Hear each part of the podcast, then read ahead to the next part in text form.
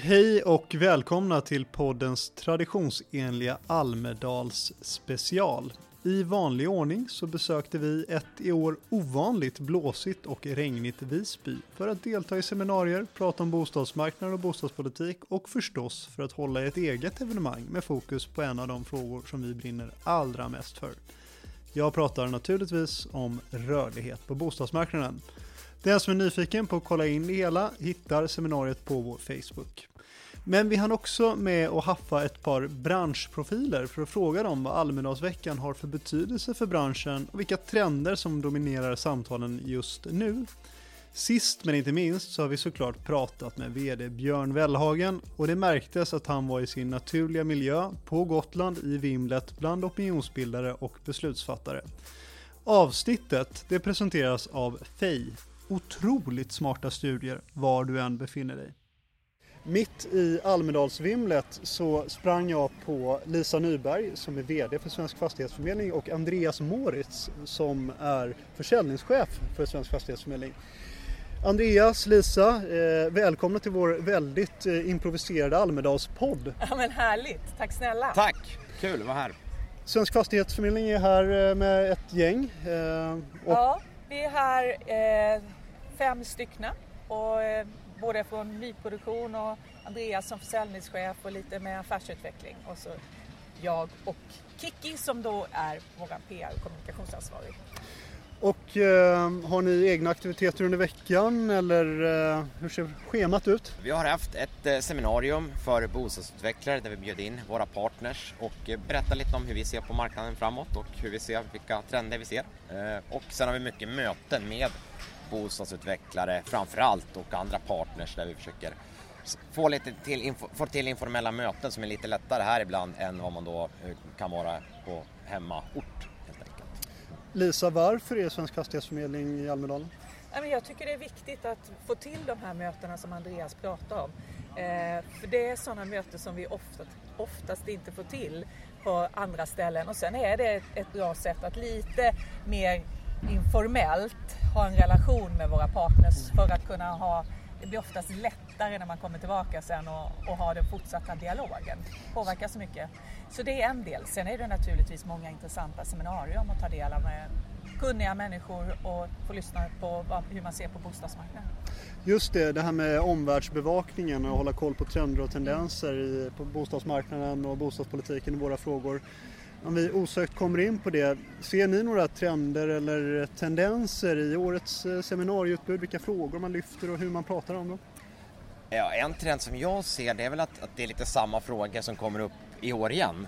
Det här är mycket, mycket från, från fastighetsbranschen som påpekar det här med amorteringskraven och skuldkvotstak och annat och att det behövs reformer och att politikerna säger att, att det fortfarande är för hög skuldsättning och vill liksom trycka till där. Så det är fortfarande samma frågor tycker jag men det har inte hänt så mycket. Det är väl min spontana du låter lite frustrerad Andreas. Det är, inte, liksom, det är samma gamla diskussion men det har inte blivit så mycket verkstad av det hela. Nej, verkligen. Och den här nya regeringen som nu ändå har suttit ett halvår har ju inte, det är väl ytterst få bostadsfrågor de har tagit upp, är ju min spontana eh, känsla. Mm. Och eh, det där skulle man ju verkligen vilja att de tog tag och inte bara liksom gör punktinsatser utan gör ett helhetsgrepp. För att att bara höja fastighetsskatten eller ta bort ränteavdragen är inte en långsiktig lösning.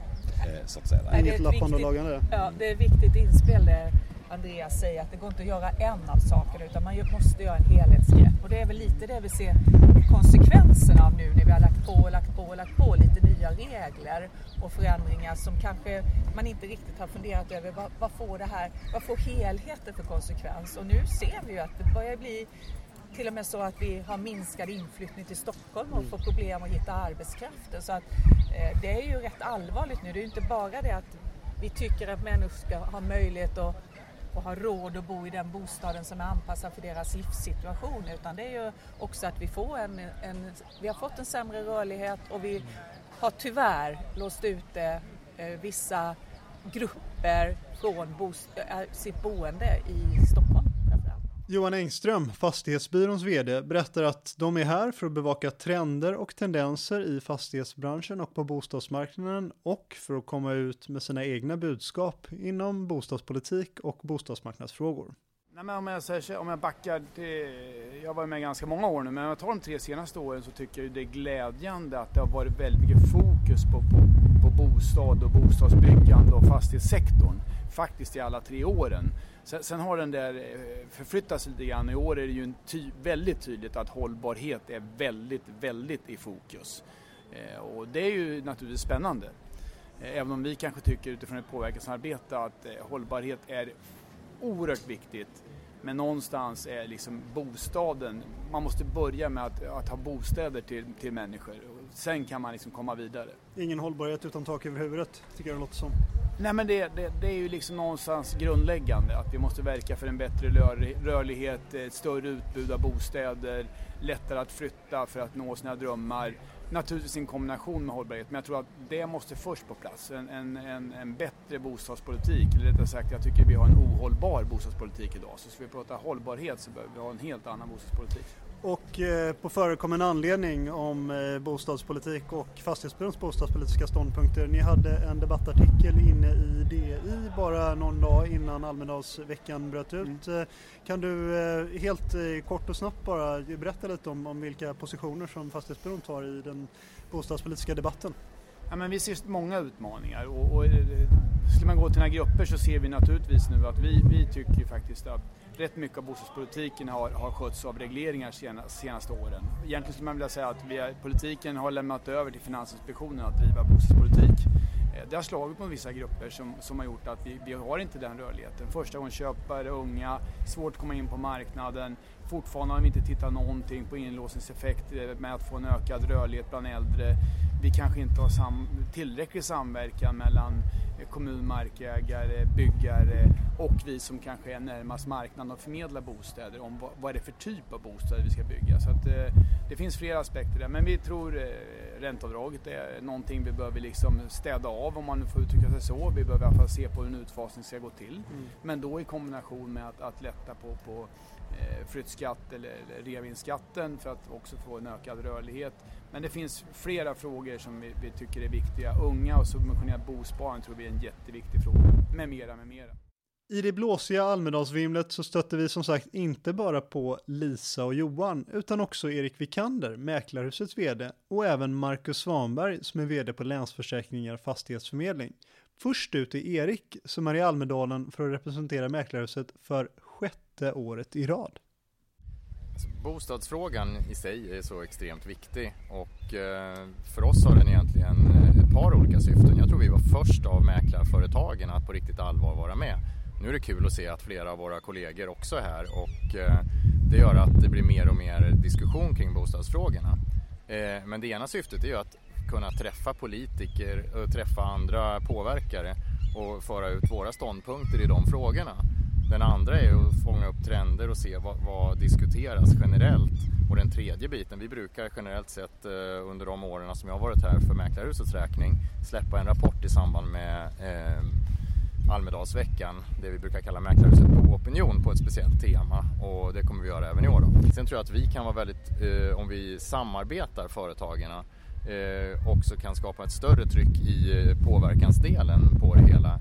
Jag har ju genom de här åren haft en hel del samtal med olika politiker som jag vet, jag kan ju inte säga att det har liksom lett till den ena eller den andra saken, men den gör som jag sa till några kollegor innan här, tidigare år är det jag som har fått jaga att vara med på olika saker. Men nu kommer folk att fråga mig till olika saker i Almedalen på, inte nödvändigtvis seminarier och sitta i paneler, utan även i olika typer av diskussioner man ska vara med i. Och det, det har, tycker jag, det perspektivet har vänt och jag känner igen den i diskussionen med några av mina kollegor här också. Mitt emellan Almedalsseminarier och kort efter Länsförsäkringar Fastighetsförmedlings egna seminarium så fick jag en eh, pratstund med dig Marcus Svanberg, VD på Länsförsäkringar Fastighetsförmedling. Ja, det fick du. och det känns bra. Ja. Eh, du, eh, Länsförsäkringar Fastighetsförmedling är i Almedalen för, jag tror, tredje eller är det fjärde året? Eh, fjärde året faktiskt. Vi har släppt rapporter tre år i rad och fjärde året som jag är här och pratar bostadspolitik och försöker engagera mig i de här frågorna. Varför är Länsförsäkringar Fastighetsförmedling på plats överhuvudtaget? Ja, huvudanledningen är ju att vi tycker att det finns väldigt mycket eh, att förbättra inom bostadspolitiken och eh, Länsförsäkringar är ju kundägd organisation eh, och våra kunder är ju väldigt många i Sverige och väldigt många av våra kunder har problem att komma in på bostadsmarknaden eller på andra sätt kanske sitter fast i ett boende. Det finns mycket att göra inom bostadsmarknaden och vi tycker det är angeläget att alla hjälps åt för att, för att hitta lösningar och det försöker vi hjälpa till med här i Almedalen, hitta lösningar som kan förbättra situationen. Och just i år då så har ni släppt en rapport som i, i mångt och mycket bygger på berättelserna bakom bostadskrisen i Sverige, kan man säga så? Ja, det kan man säga. Vi har tidigare år gjort också enkäter och SIFO-undersökningar och presenterat förslag på hur man skulle kunna förbättra. I år så har vi försökt att sätta mänskliga ansikten på, på de här problemen också genom att intervjua personer. Eh, en student, en barnfamilj som bor för trångt, Eh, en sjukpensionär som har svårt att flytta till ett mer lämpligt boende och sitter fast i sitt nuvarande boende. Så genom att ge eh, för att inte det här bara ska vara statistik utan ge statistiken ansikten så har vi tagit fram den här rapporten och intervjuat de här personerna. Vi tror att det kanske kan vara ett sätt att, att nå ut bättre till politiker och andra eh, intressenter. En sak som jag tyckte var väldigt bra och spännande med den här rapporten efter en, en snabb genomläsning ska väl erkännas. Eh, det är att, att, ni lyfter en grupp som jag själv tycker faktiskt hamnar i skymundan, skymundan ganska mycket och det är den alldeles vanliga barnfamiljen. Alltså en medelklassfamilj med en, två, tre ungar som inte bor optimalt utifrån sin livssituation. Ofta är det ju unga och gamla som vi fokuserar på i debatten. Mm. Eh, men, men den här eh, barnfamiljen som ni har talat med, vad, vad säger de om sin situation? Ja, de har ju framförallt fastnat i, eh, i, i fällan, som jag skulle vilja kalla det, med kreditrestriktionerna, då, amorteringskravet. För de har ett boende idag där de bor för litet, eh, en, en familj på fem personer som bor i en två och ett halva i, i Stockholm. Skulle gärna vilja flytta till ett större boende, men då skulle det dels fordra att man då tar nya lån och får amorteringskrav. amorteringskravet skulle innebära att man inte har råd med bil, vilket man skulle behöva om man bosätter sig längre bort då för att pendla till jobbet eh, och med den familj man har. Så att de sitter verkligen fast då i det nuvarande boendet tycker de och har svårt att röra på sig. Det är ett väldigt konkret exempel på på eh, hur en helt vanlig familj har det i Sverige idag. Att det, man, man, kan sitta fast. Vi behöver eh, hitta bättre lösningar för att man ska kunna flytta eh, dit man vill och hitta mer eh, lämpliga boenden för, för alla egentligen. Länsförsäkringar Fastighetsförmedling och Fastighetsbyrån är inte ensamma om att ha äntrat opinionen och debatten under eller nära inpå Almedalen. Mäklarhuset har också varit flitiga med rapportskrivandet. Svensk Fastighetsförmedling, de pratar om dagens marknad och manar till fler perspektiv i debatten. Lisa Nyberg och Andreas Moritz. Det är ju så här att har du behövt att ha en förändring i ditt boende så går det till en viss gräns när du inte kan bo kvar där du faktiskt gör utan du måste flytta. Du har fått en förändrad livssituation. Eh, det kanske är så att ni har funderat på att separera och till slut så går det inte längre och då måste man ju göra det. Jag, jag tror det går till en viss gräns som man kan vänta lite till att göra flytta. Men till slut måste man, det är ju så. Livet förändras och man måste ha ett annat boende till slut. Och det är väl lite det vi ser nu, att det har varit lite stiltje under sex, nio månader och sådär. Och nu så ser vi att nej men nu måste man flytta igen. Och, och, och, jag kan bara fylla i, och det, det, är väl varje gång man gör en förändring i någon form av, lägger till ett nytt amorteringskrav eller något, något skuldkvotstak så, så tar det några månader, det blir en osäkerhet bland, bland våra kunder. Och sen börjar man acceptera och vänja sig vid det läget och då börjar man göra affärer igen. För liksom du sa, vi på Svensk Fast har ju också ökat de senaste månaderna antal affärer jämfört med föregående året så det görs ju absolut affärer. Mm. Men sen är det ju fortfarande många som inte kommer in på marknaden som mm. man skulle önska för att få till den här ordentliga flyttkedjan som behövs. Så flyttbehoven eh, kvarstår trots att man lägger eh, kreditrestriktion på kreditrestriktion. Så är det ju. Ja. Vi får barn och vi blir större familjerna och barnen flyttar hemifrån och du behöver ett annat typ av boende. Och som sagt, vi separerar och, och sådär. Så att det, det, är ju så att vi måste ju ha röra på oss till slut och ha ett boende som anpassas. Jag tycker det finns någonting, en viktig fråga det där också som man många gånger glömmer bort när vi pratar hållbarhet och liknande. Det ju, finns ju, och även där någonting i att de äldre som inte har råd att flytta från sina stora boenden, det är ju liksom inte håll, någon hållbarhet i det. Att de ensamstående äldre personer ska bo kvar i en stor villa istället för att kunna bo i något som är anpassat för deras eget. Mm. Så det, är liksom, det finns många faktorer som gör att vi, vi behöver få till rörligheten på bostadsmarknaden. Erik Vikander om Mäklarhusets senaste rapport som bland annat pekar på hur flyttkedjor hindras på grund av att de grupper som behöver flytta inte har tillgång till bostäder som tillfredsställer deras behov. Rent krasst så ska man säga att det, det absolut viktigaste eh, som kommer fram i, och det, det, det är så stor eh, andel så att den går liksom inte att ens diskutera. Det är att man vill ha tillgång till uteplatser. Eh, och redan där så kan man ju eh, fundera ganska mycket. En annan som sticker ut väldigt mycket är tillgång till parkeringsplatser eh, och att det finns flera sovrum tillgängligt. Och då kan man säga, jag har också tidigare, som inte är en del av den här undersökningen, jag har ju även haft eh, ett antal år i byggbranschen och jobbat med husproduktionen.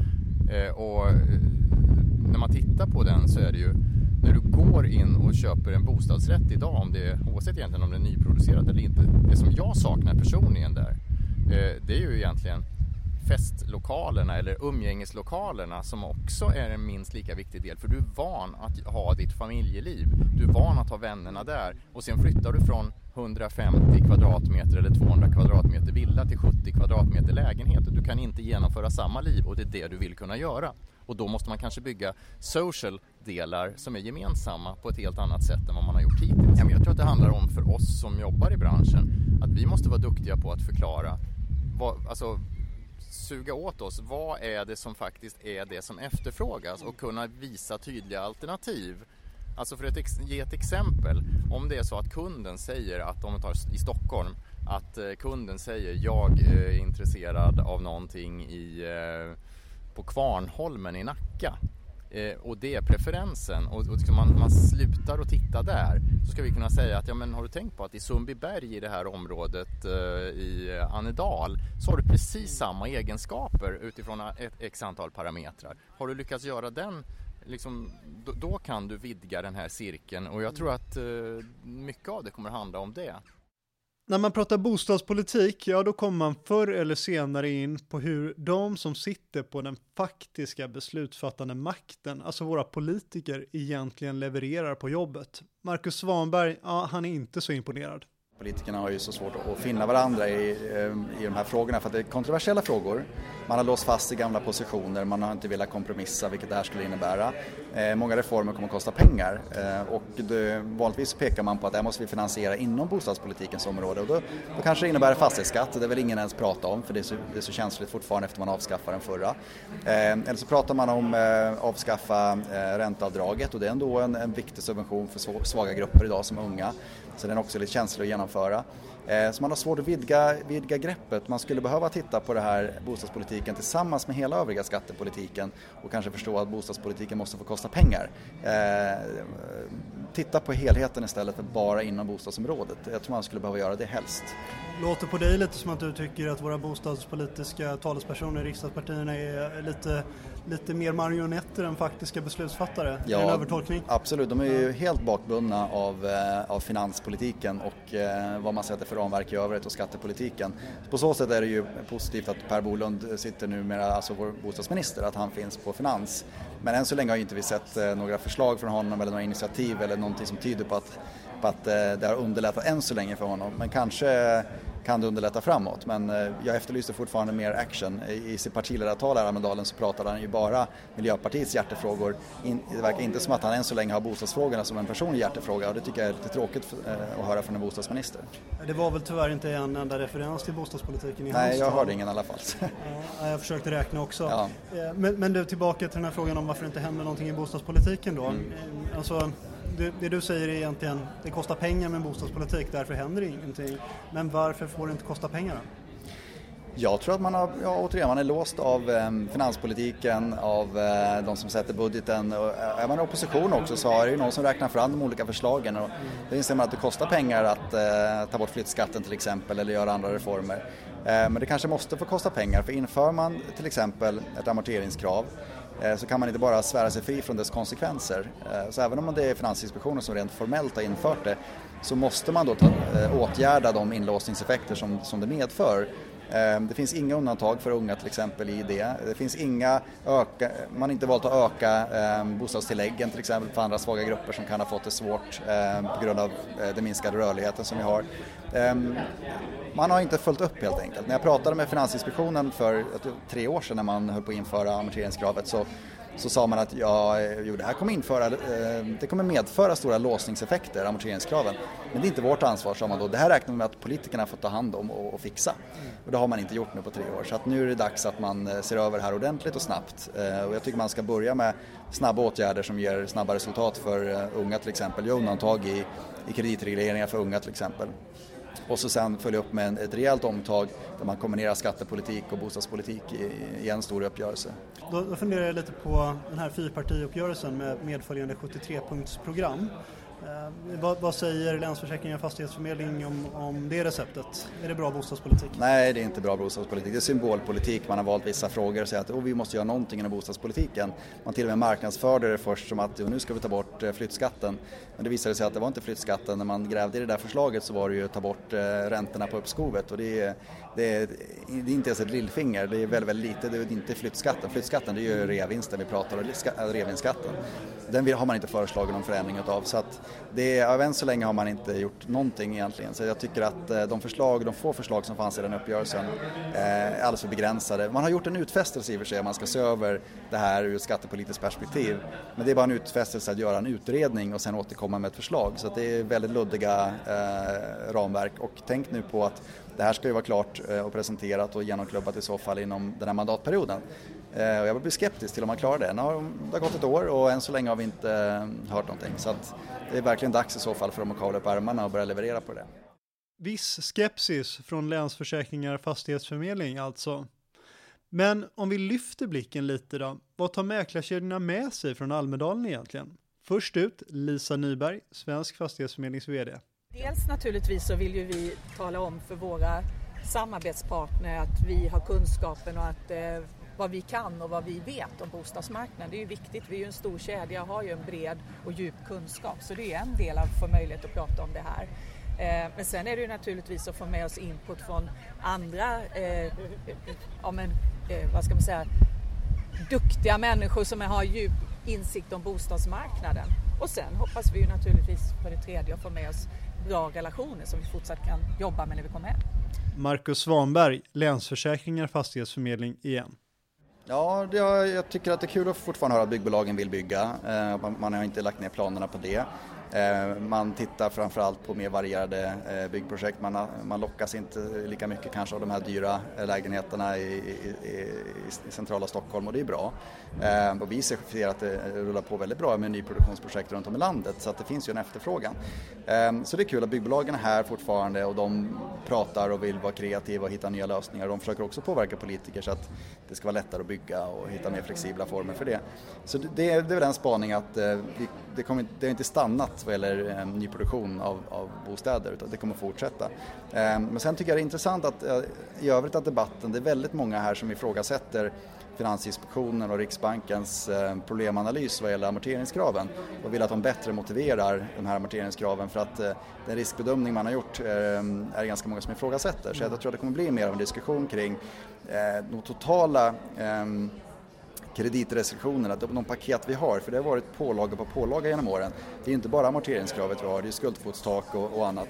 Och lägger man samman allt det och kombinerat med bankernas eh, kvar att leva på-kalkyler så, så blir det en ohållbar situation. Jag tror att eh, allt mer är det som är pudelns kärna här, att eh, man måste nog se över en del av de här åtgärderna som man har infört utan undantag och kanske göra lite undantag. Erik Vikander, vd på Mäklarhuset, avslutar med en rejäl känga mot 73-punktsprogrammet och en positiv spaning. Du är ju en ganska flitig bostadspolitisk bevakare och eh, kommentator. Eh, vad, vad gör du för reflektioner av det bostadspolitiska innehållet i 73-punktsprogrammet? Jag får säga vilket innehåll. eh, nej men alltså jag tycker, jag, jag tycker rent krasst att eh, det är en tummetott eh, som man har skickat fram och man försöker att få det att framstå som någonting mera.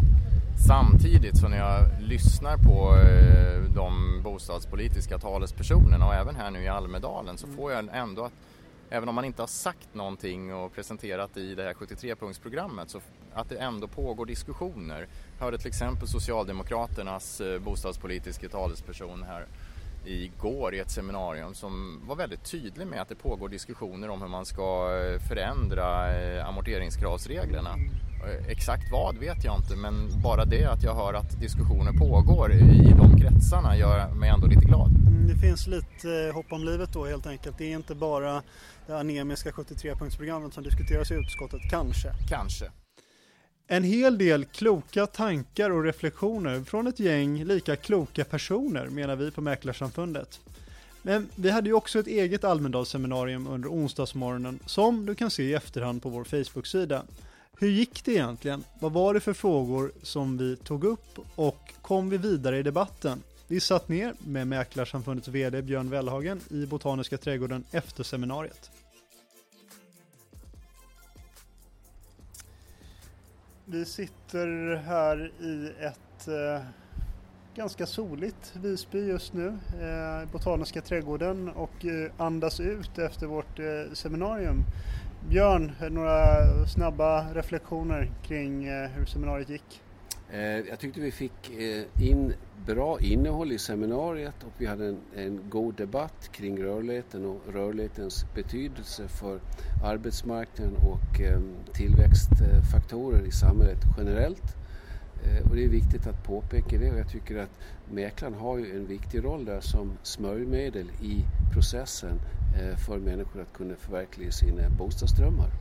Precis ja, och fastighetsmäklarna träffar ju flest bostadskonsumenter av alla yrkesgrupper vilket gör att de, de ser ju också vad det får för mänskliga och samhälleliga konsekvenser när rörligheten faktiskt inte fungerar. Men eh, vi hade ju eh, två, får man ändå säga, viktiga beslutsfattare inom bostadspolitiken eh, under vårt eh, seminarium. Larry Söder från eh, KD och eh, Ola Johansson från Centerpartiet. Var det någonting som de sa som du reagerade på eller som du snappade upp? Eh, det som var anmärkningsvärt var väl att de, de faktiskt var överens båda två om att eh, det här sista kreditrestriktionerna i form av ett extra amorteringskrav eh, var ett, att gå ett steg för långt. Så möjligtvis kan vi hoppas att vi får se åtminstone något initiativ från något av deras sida för en, en förändring. Mm. Och vad gäller eh, det här eh, 73-punktsprogrammet och de bostadspolitiska förslagen där Tycker du att vi fick någon klarhet i, eh, för det första, om, om man överhuvudtaget kommer att mäkta med att genomföra bara de förslagen under den här mandatperioden? Eh, där var väl Ola Johansson lite, mm, pratade runt frågan egentligen. Jag tror att han sitter, ett, eh, han och eh, både Centern och Liberalerna sitter i en väldigt svårt dilemma där. För att man har skrivit ett program. Men nu håller man på att lägga ner väldigt mycket tid för att tolka vad egentligen innehållet i det här blir. Och eftersom det var vagt skrivet och kanske skrivet av människor som inte satt på sakkunskapen eh, har det blivit eh, svårförståeligt och mm. svårtolkat. Så det kommer att ta tid innan man når någonstans där. Så lite om jag ska tolka det Björn så är det att man är, man är så att säga fast i skrivningarna och det är de man har att förhålla sig till. Och det blir tolkningar och kompromisser och förhandlingar utifrån det. Ja, och vi vet ju ibland, eh, nu är kanske inte jurister inblandat här, men man kan ju så att säga alltid tolka en skrivning på fler än ett sätt. Mm. Eh, och det är jag övertygad att man kommer att göra. Och det, det kommer att innebära att det kommer att dröja innan man liksom kan enas om vad man egentligen har skrivit på. Och om vi lyfter blicken då, eh, så här långt veckan i övrigt, eh, hur tycker du att det har varit? Eh, det är alltid som när man är här, man får träffa väldigt mycket människor, eh, man skapar nya kontakter och det ger en, en möjlighet till ett fortsatt arbete eller samarbete med andra eller nya parter under resten av året. Så att på så vis är det en, en, en bra investering att vara här. På de punkterna tycker du att eh, Almedalsveckan har levererat i år? Ja, det tycker jag. Även om vi ser att det är mindre aktiviteter i år och eh, färre människor som är här. Mm. Men det är fortfarande en, en väldigt eh, stor händelse. Ja, för det där har det pratats lite om att eh, intresset för Almedalsveckan dalar. Vissa statsråd är inte här, vår statsminister är inte här överhuvudtaget. Eh, antalet seminarier blir lite färre och sådär. Är det så att Almedalsveckan är, är på väg att uh, chansera? Nej, chansera tror jag inte den kommer att göra, men jag tror att den har eh, så att säga, piken var nog förra året med de hade 4300 evenemang eller något liknande. Nu har det sjunkit till 3700.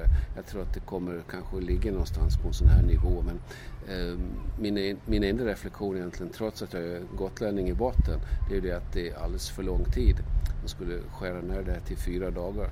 Ta två partier per dag och göra det lite rappt och snabbt. Eh, för många människor orkar inte vara här i åtta dagar och det är synd om de partierna som hamnar på de sista dagarna. Mm. De får ingen, inte så mycket uppmärksamhet.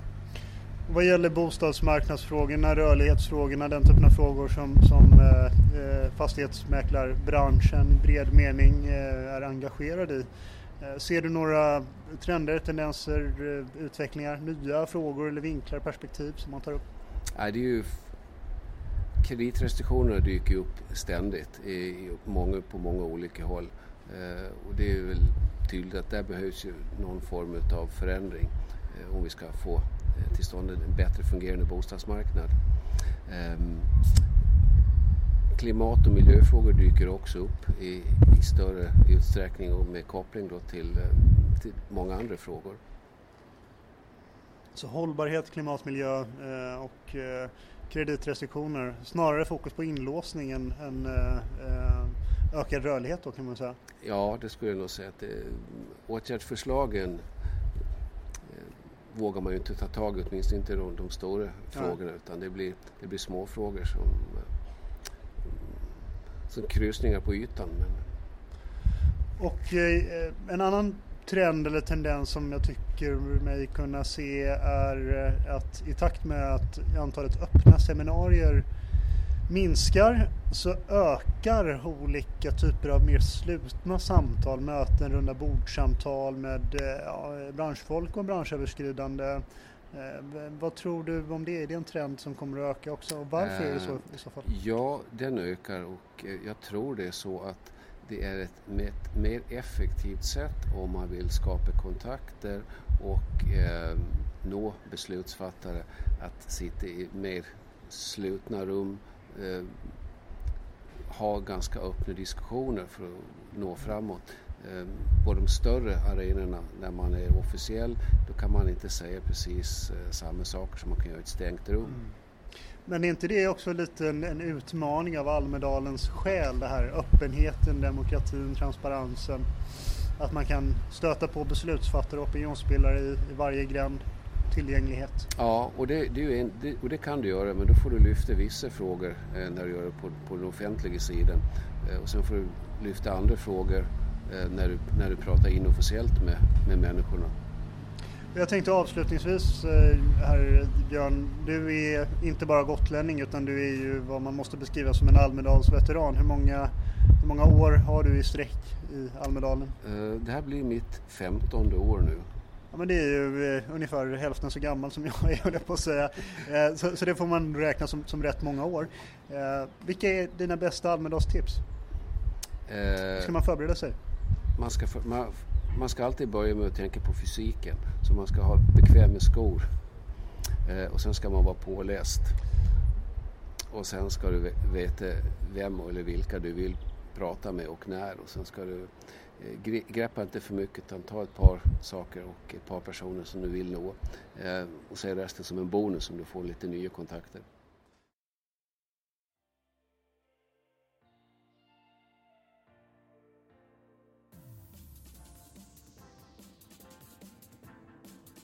Både optimism och pessimism i mäklarleden och ett Almedalen som trots allt lever vidare och fortsätter ha en betydelse för branschen kort och gott. Även om kreditrestriktioner och amorteringskrav sätter käppar i hjulen för flyttkedjor och rörlighet så finns alltid skäl att tro på framtiden och hoppas att våra politiker tar tag i frågorna på allvar. Ett led i det är ju att försöka hitta blocköverskridande kompromisser och lösningar med potential att hålla över såväl mandatperioder som konjunkturcykler. En bra början är att lyssna ännu mer på den yrkesgrupp som träffar flest bostadskonsumenter och därmed har örat mot rälsen. Ni vet vilka ni är, alla fastighetsmäklare där ute. Tak över huvudet tar nu sommaruppehåll och vi önskar våra lyssnare där ute en riktigt härlig sommar. Ses igen i höst.